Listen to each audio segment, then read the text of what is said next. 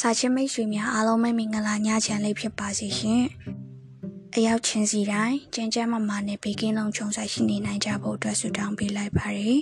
။ကျမဝင်ဤပါ။ဒီညလေးမှာတော့ကျမကဆရာမြင့်ကျိုးအင်ရီသားထားတဲ့ညံများတဲ့ဘာကြီးမြေဆိုတဲ့စာလေးတစ်ပုဒ်ကိုဖတ်ပြပေးလိုပါရစေ။နားဆင်ခစားပေးကြပါအောင်ရှင်။ညံများတဲ့ဘာကြီးမြင့် ကိုလူတို့ကျွန်တော်ဘာကြီးကြောင့်ပြောပြချင်သေးတယ်ကျွန်တော်ဖြင့်ဘာကြီးကြောင့်တွေးမိတိုင်းပြုံးစစ်စစ်ဖြစ်ရတယ်ဗျာကျွန်တော်ရင်မဟုတ်ပါဘူးဘာကြီးကြောင့်ကြားရတဲ့သူတိုင်းသဘောတွေကြပြီးလေးစားသွားကြတာကြီးပဲဒါပေမဲ့ဘာကြီးရဲ့အကြောင်းပြန်ပြောတိုင်းမခံချိမခံတာဖြစ်ကြတဲ့လူတစုတော့ရှိရဲ့ဗျကိုလူတို့ကတော့အဲ့ဒီလူတစုကဘာကြီးရဲ့ရန်သူတွေလို့ထင်ကြမှာပဲအဲ့ဒီလိုထင်တော့တက်တက်စီအောင်လွဲပြီခမအဲ့ဒီလူတစုဆိုတာ ကျွန်တော်ရဲ့အကိုတွေအမတွေပါပဲကျွန်တော်အကိုတွေအမတွေဆိုမှတော့ဘာကြီးရဲ့တူတူမအရင်တွေပေါ့ဗျာဖြစ်ပုံကဒီလိုခမကျွန်တော်တို့မှာအဖေရဲ့အကိုတယောက်ရှိတယ်သူ့နာမည်ကကိုမြင့်တဲ့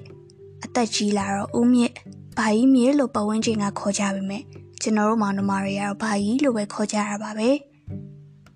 ဘာကြီးကတကိုယ်ရဲ့လူပြိုကြီးခမ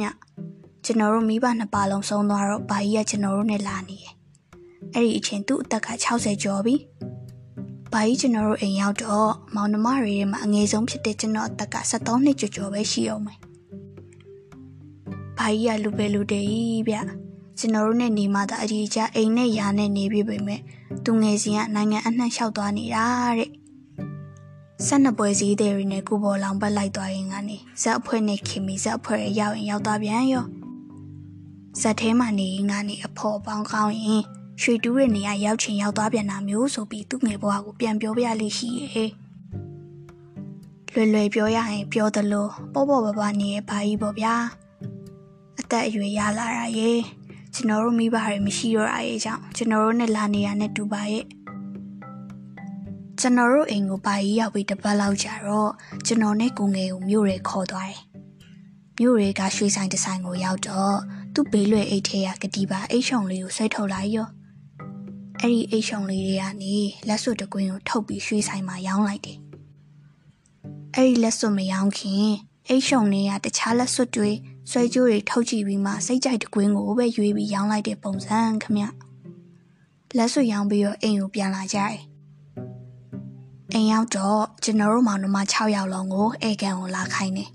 ပြီးတော့ ခုနကလက်စွပ်ရောင်းလို့ရလာတဲ့ငွေတွေကိုမောင်နှမ6ယောက်ကိုခွဲဝေပေးတယ်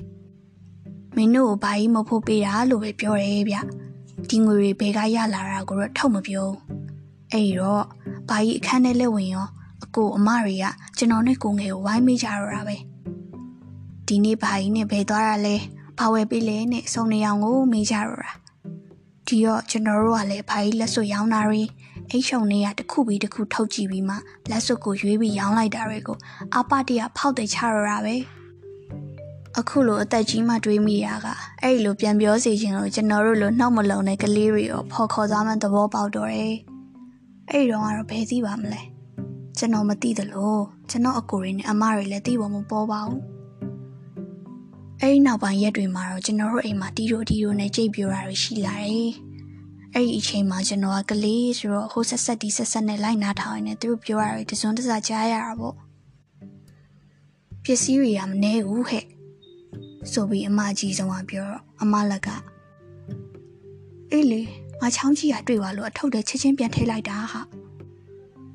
ဆိုပြီးတူတူတူတူနဲ့ပြောနေကြသလိုကျွန်တော်အကိုရီကလည်းဘာကြီးအခန်းဝနာမှာဝေးလေလေလုပ်ပြီးအခန်းထဲချောင်းချောင်းကြည့်ကြရဲဗျ အဲ့ဒီနောက်ပိုင်းကစပြီးကျွန်တော်တို့အိမ်မှာကတိပါအိတ်ရှုံလေးကအထူးခြားဆုံးသတင်းဖြစ်သွားတော့တာပဲ။ဘာကြီးကိုလည်းတအိမ်လုံးယူဆိုင်လိုက်တာများပြောမနေနဲ့တော့ကော်ဖီဖြော်တိုက်တဲ့အမနဲ့နွားနို့ကြိုပေးတဲ့အကိုလည်းသူ့ကော်ဖီနဲ့ငါနွားနို့ပဲဟာကျမအိမ်နဲ့ညီညွတ်တယ်ဆိုပြီးညင်းကြခုံကြမိုးလေးနဲ့နဲ့အေးရနဲ့ဘာကြီးချိုးဖို့ရင်တွေဥတဲပေးတဲ့သူနဲ့ဘာကြီးဘာစားချင်လဲဆိုပြီးအမြဲမေးတဲ့သူနဲ့အ ပြင်ကပြန်လာရင်ဘာကြီးအတွက်မဝယ်လာပေးတဲ့သူနဲ့ဝိုင်းကြီးဆိုင်လိုက်ကြတာများပြောမဆုံးပါမယ်။အောင်တို့ခောက်ဆွဲဝဲလာပြီးအမလက်တောင်ဘာကြီးကိုသွေးတိုးအောင်လုပ်တာလားဆိုပြီးဝိုင်းဆိုတာခံလိုက်ရသေးတယ်။ဘာဘာကြီးနဲ့အမြဲအတူတူရှိရဲ့ကျွန်တော်ကိုလည်းအိတ်ရှုံထဲမှာပစ္စည်းတော်တော်များလားအထဲမှာဘာတွေတွေ့လဲဆိုပြီးတယောက်တစ်လက်အပြင်ခေါ်ထုတ်ပြီးမေးကြတာဘာကြီးကလည်းဘာကြီးပဲဗျကျွန်တော်သူငငယ်ရအကြောင်းတွေပြောရင်းကနေနေရော ငါပစ္စည်းကိုရှိသေးရလားဆိုပြီးသူ့ဘီကိုတော့ဖွင့်ပြီးအိတ်ရှုံလေးကိုဖွင့်ကြည့်လာကြည့်ရနဲ့မလုံးတလုံးလုံးမှလူပိုစိတ်ဝင်စားမအောင်သဘောပေါက်တဲ့ဘာကြီးကသူ့အိတ်ရှုံလေးရဲ့မှာရတနာရရှိအောင်ပပလေးနဲ့အားလုံးတည်အောင်လုပ်သွားမှအသက်ကြီးမှတည်ရပဲအဲ့ဒီတော့ကတော့သူ့အိတ်ရှုံလေးကိုမတိမတာဖွင့်ပြီးပစ္စည်းထုတ်စစ်တာတွေကိုကျွန်တော်ဖောက်တဲ့ချာနဲ့အိမ်ကလူတွေအကုန်သိရပါပဲဒီတော့အိတ်ရှုံလေးတကူနဲ့ဘာကြီးလည်းအနေအစားစိန်ကိုကြားလို့ ကျွန်တော်တို့အိမ်ဘာကြီးရောက်ပြီးတစ်နှစ်လောက်နေတော့အိတ်ရှုံလေးကဆွဲကြိုခတ်တီတီတကုံထုတ်လာပြီးအမအကြီးဆုံးကိုတွားရောင်းခိုင်းတယ်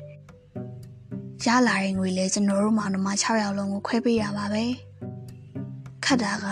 ဘာကြီးကသူ့အိတ်ရှုံလေးအကြောင်းကိုစကားအစကိုမခံတာဗျအမရီကလည်းသွေးတူဆန်းနေလေ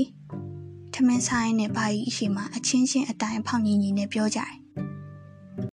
မနှက်ဖြန်လူကမသွားလို့ကလည်းမကောင်း သွားဖို့ကလည်းလက်ဝက်လက်စားမရှိနဲ့ငါတို့စိတ်ညစ်တာပါပဲဟဲ့ဆိုပြီးညီးပြလဲဘာကြီးကမသိချင်အောင်ဆောင်ပြီးထမင်းသာငုံထားနေရပဲဘာကြီးစိတ်ကွက်မှာဆိုလို့စွတ်လည်းမပြောရဘူးသူတို့ကိုယ်တိုင်လည်းကတိပါအိတ်ရှုံလေးကိုမသိချင်အောင်ဆောင်ပေးကြတယ်တဘောကတော့ဘာကြီးမှာဘာရတနာပဲရှိရှိမရှိရှိ တူတူမတွေကတကယ်ချစ်တာပါဆိုရဲစတိုင်ဖန်နာကြတာဗျ ဒါရီကလည်းအခုလိုအသက်ကြီးလာမှလူတွေရဲ့သဘောမနှောကိုသိလာပြီအဲ့ဒီတော့ကအထာတွေကိုသဘောပေါက်မိရပါဒီလိုနဲ့တသက်လုံးပိတ်ပိတ်တေတေနေတော့မှမဖျားမနာရဲ့ဘာကြီးခမကျွန်တော်တို့အိမ်ရောက်ပြီး၃နှစ်မြောက်မှဆုံးသွားတယ်ဘာကြီးတည်တော့ကျွန်တော်အသက်က16နှစ်ပြည့်တော့မယ်တည်တာကတော့နာတာရှိအဆုတ်ယောဂနဲ့တည်တာပါငငယ်ကပိတ်ပိတ်တေတေနေခဲ့တဲ့ဒဏ်တွေကြောင့်လည်းတူပါရဲ့ ဘာကြီးတည်ပြီးလဲကြရောဘာကြီးအလောင်းကိုပေးနာထားပြီးကျွန်တော်တို့မောင်နှမတစုသူ့ဘီကိုတော့အသေးအတန်ရှားကြတော့တာပဲကျန်တဲ့သူတွေကလည်းဘေးကနေညီညီမြမြနော်မတရားမလုပ်ကြနဲ့ဆိုပြီးဝင်းဝင်းပြောတယ်တော်လဲတွေ့ရောအမအကြီးဆုံးကဖြတ်ခနဲ့ဆွဲယူပြီးအခုမကြည့်နေအောင်ဘာကြီးအလောင်းမြေကြပြီးမှခွဲဝေမယ်တဲ့ဒီတော့အကိုလက်ကဒါဆိုတော့သူတိန်ထားမယ်တဲ့ဝင်းပြောတယ် ငါအကြီးဆုံးငါပဲတိတ်မယ်ဆိုပြီးအမကထပ်ပြောတော့ဒါဆိုအခန်းတကားကိုတော့ခတ်ပြီးသူတိန်ထားမယ်တဲ့အကိုလက်ကပြန်ပြောတယ်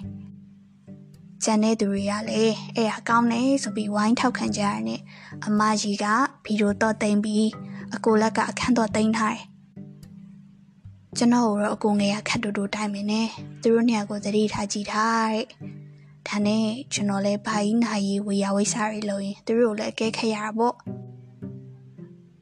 ဒီလိုနဲ့ဘာကြီးအလောင်းမိကြပြီးညနေမှာပဲမောင်နှမ6ယောက်လုံးဘာကြီးအခန်းထဲမှာစုမိကြတယ်အခန်းတကားကိုပိတ်လိုက်ပြီးပြီးတော့ဖွင့်ဖို့ပြင်ကြတယ်ပေးထားတဲ့ခေါင်းစဉ်နဲ့ဒီလောက်ရေးပြထားရင်ဒီကတိပါအိတ်ရှုံထဲမှာလှည့်ကွက်တစ်ခုခုရှိနေမယ်ဆိုတာကိုလူတို့သဘောပေါက်နေပါပြီအမှန်ပဲဗျအဲ့ဒီအိတ်ရှုံထဲမှာလှည့်ကွက်ရှိနေတယ်ဘာပဲဖြစ်ဖြစ်ပြီးအောင်တော့ဖတ်ဗျာ ကိုလူတို့ထဲမှာလူပြိုအပြိုကြီးဘဝနဲ့တူတူမတွေနဲ့ဘဝနေဝင်ခြင်းကိုဖြတ်တန်းရမယ့်သူပါလာခဲ့ရင်ဘာကြီးရဲ့အကွက်လေးအတောင်းဝင်လို့ဝင်ညာပေါ့ဆက်ရရင်အမကြီးကဥဆောင်ပြီးပြီးကိုဖွင့်လိုက်တယ်ပြီးတော့ပြီးတော့အပေါ်ဆုံးအထက်ကတက်တာအသေးလေးကိုဆွဲထုတ်တယ်ခမအဲ့ဒီတက်တာတွေမှာကတိပါအိတ်ရှုံကိုထည့်သိမ်းထားတာလေအဲ့ဟာနဲ့ တက်တာကိုမောင်နှမ6ယောက်အလယ်မှာချပြီးအမကြီးကဖွင့်လိုက်တယ်အဲ့ဒီတက်တာထဲမှာအားလုံးမျောလင့်ထားတဲ့ကတိပါအိတ်ရှုံလေးရှိနေတယ်ကတိပါအိတ်ရှုံလေးကိုဆွဲယူလိုက်တဲ့အမရဲ့လက်ကတုံနေတာကျွန်တော်အခုဒီမျက်စိတွေကမထွက်သေးဘူး။ "तू ကလက်တုံနေတယ်လို့ကျွန်တော်တို့အားလုံးလဲကိုစီကိုစီရင်တုံနေကြတာပါပဲလေ။အဲ့လီကိုဟပြီးသွန်းချလိုက်တော့အထဲကနေဆွဲကြိုးတွေ လက်စွပ်တွေအစိမ်းရောင်အနီရောင်ကြောက်အသေးလေးတွေထွက်လာတယ်။အဓိကပစ္စည်းတစ်ခုလည်းထွက်ကြလာတယ်။အဲ့ဒါစာရွက်ခေါက်လေးပါပဲ။ဒါပေမဲ့ကျွန်တော်အပါဝင်ဘသူမှစာရွက်ခေါက်ကိုဂယုမဆိုင်နိုင်ပါဘူး။ယတနာတွေကိုပဲမျက်တောင်မခံငင်းနေမိကြတယ်။တခုစီကန်ကြည့်ကြတယ်။ကျွန်တော်လည်းကန်ကြည့်ရပါပဲ။နောက်တော့အကုန်ငယ်ကစာရွက်ကိုဆွဲယူပြီးဖွင့်လိုက်တယ်။ဘပြီးတော့အားလုံးကြအောင်ဖတ်ပြတယ် အဲ့ဒီစာလဲစောင်းရောအကိုတွေအမတွေဆိုတာများဒေါသတွေထွက်လိုက်ကြတာအန်တကြီးကြီးနဲ့ဖြစ်ကုန်ပြီအခန်းထဲကထွက်သွားကြတော့တာပဲသူတို့စိတ်ဆူဆူနဲ့ပြစ်ချထားခဲ့အဲ့ဒီစာကိုကျွန်တော်တင်ထားလို့အခုထိရှိသေးတယ်အထဲမှာရေးထားတာကဒီလိုခမဘာကြီးကိုတိတ်ချစ်ကြတဲ့တူတူမကြီးတို့ရေဒီစာဖတ်နေချိန်မှာဘာကြီးလူလောကမှာမရှိနိုင်တော့ပါဘူး ဘာကြီးရဲ့ယောဂအခြေအနေကိုသိထားလို့ဒီစာကိုကြိုပြီးရေးထားခဲ့ပါတယ်ဘာကြီးမတည်ခင်မှာဂယုတဆိုင်နဲ့ကျွေးမွေးပြုစုစောင့်ရှောက်ခဲ့ရအတွက်ဘာကြီးတိတ်ကျေးဇူးတင်တယ်တူတူမကြီးတို့လည်းကုသိုလ်တွေအများကြီးရမှသိကြပါတယ်တကိုယ်ရဲ့လူပြိုကြီးဖြစ်တဲ့ဘာကြီးအတွက်အိုကန်ကောင်းမို့ဆိုတာညံကူမှရမှာကိုသိလို့ဘာကြီးပိုင်ဆိုင်သမျှတွေကိုရောင်းချပြီးအပေါင်ဆုံးလက်စွပ်တကွင်းနဲ့ဆွဲကြိုးတကုံဝယ်ခဲ့ပါတယ်။ အဲ့ဒီပစ္စည်းတွေလည်းဘာကြီးပြန်ရောင်းချပြီးတူတူမကြီးတို့ကိုခွဲဝေပေးခဲ့တာအားလုံးအသိပါ။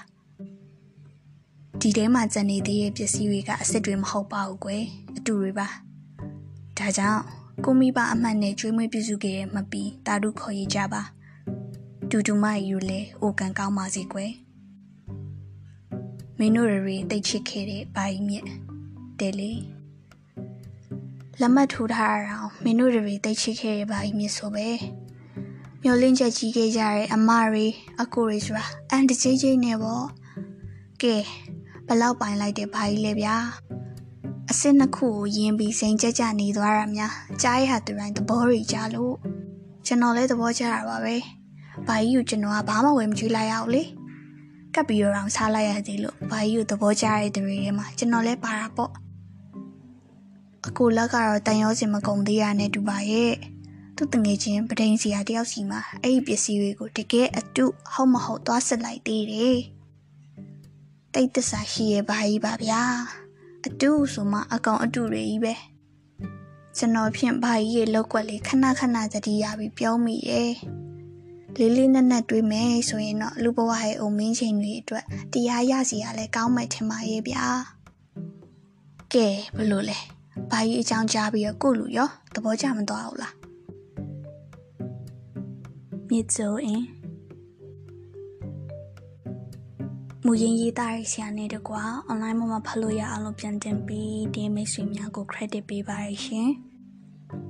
နာဆင်အပေးကြတဲ့မိတ်ဆွေများလည်းတညတာလုံးဘေကင်းလုံးချုံစွာအပြောနိုင်တဲ့အခွင့်ရရှိနိုင်ကြပါစေလို့ဆုတောင်းပေးလိုက်ရပါတယ်ရှင်။